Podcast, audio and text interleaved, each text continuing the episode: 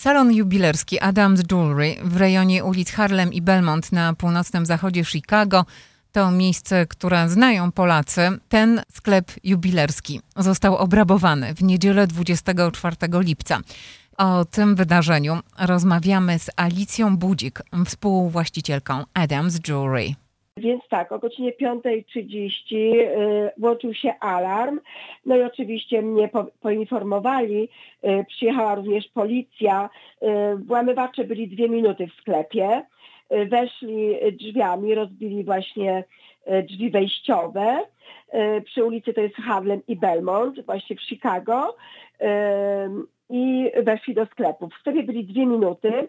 Skradli obrączki, pierścionki z diamentami, sztabki y, srebra i złota. Oczywiście tego nie było, nie były jakieś tam duże ilości, bo oczywiście większą część mamy schowaną w kasach pancernych, ale y, są y, właśnie takie dyspleje na sklepie, gdzie właśnie są obrączki i między obrączkami jest właśnie y, pierścionki zaręcznowe, żeby klienci mogli sobie przymierzać i to skradli całą tą gablotę. No i też na dekorację, co mieliśmy sztabki złota i srebra, również y, to zabrali. Jakie są straty? Y, Straty są dość spore, ale na razie wszystko liczymy dopiero, no bo to trudno tak określić i powiedzieć. No dość spore są straty. Policja przyjechała, e, oczywiście wszystko spisali raport zniszczenia około e, wartość jest podana, ale to nie jest, nie jest dokładna e, e, ilość, co, co skradli, więc mm, wszystko trwa, jest śledztwo, daliśmy nagrania z tego, z monitoringu, mamy również tego włamywacza jednego twarz, bo drugi był zamaskowany, byli w bluzach dresowych, no i oczywiście byli to, no co przykre, biali ludzie, nie? Co jeszcze pani może powiedzieć o tym włamywaczu, którego uchwyciła kamera waszego monitoringu? Chcę powiedzieć, że no, on był dość szybki, ten co mamy, mamy twarz.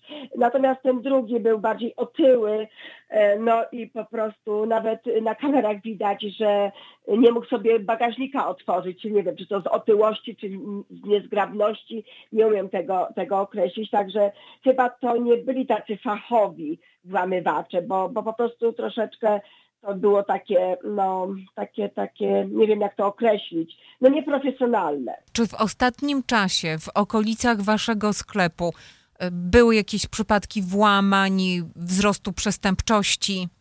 Z tego co mi wiadomo, to było w Ulta, ale to było w dzień. W dzień, co ci rabusie zgrabowali tam koło Hipu, Irving i Harlem. E, nie słyszałam, żeby ktoś tutaj gdzieś się włamał blisko nas.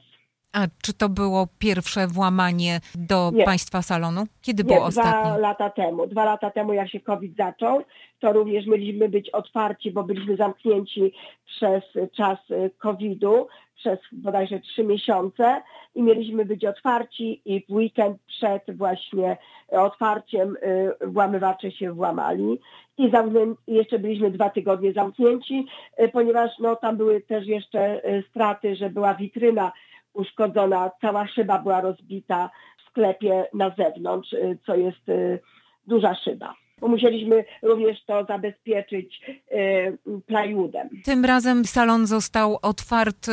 Nie od razu, ponieważ myśmy, akcja była od godziny w pół do szóstej, więc kolega, która, która ma firmę sz- szkło, więc on od razu gdzieś o godzinie chyba pierwszej przyjechał i od razu wstawił szkło do drzwi.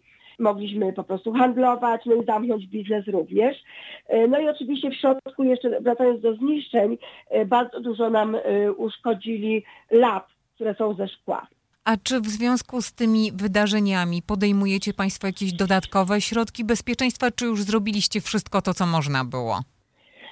Wie pani, tak, jeżeli chodzi o szkło, które są, które jest w drzwiach y, wejściowych, y, teraz jest szkło takie, że nie rozbije tego szkła, ono popęka, ale się nie, nie, y, nie rozbije na kawałeczki, tylko zostanie takie po- popęk, popękane.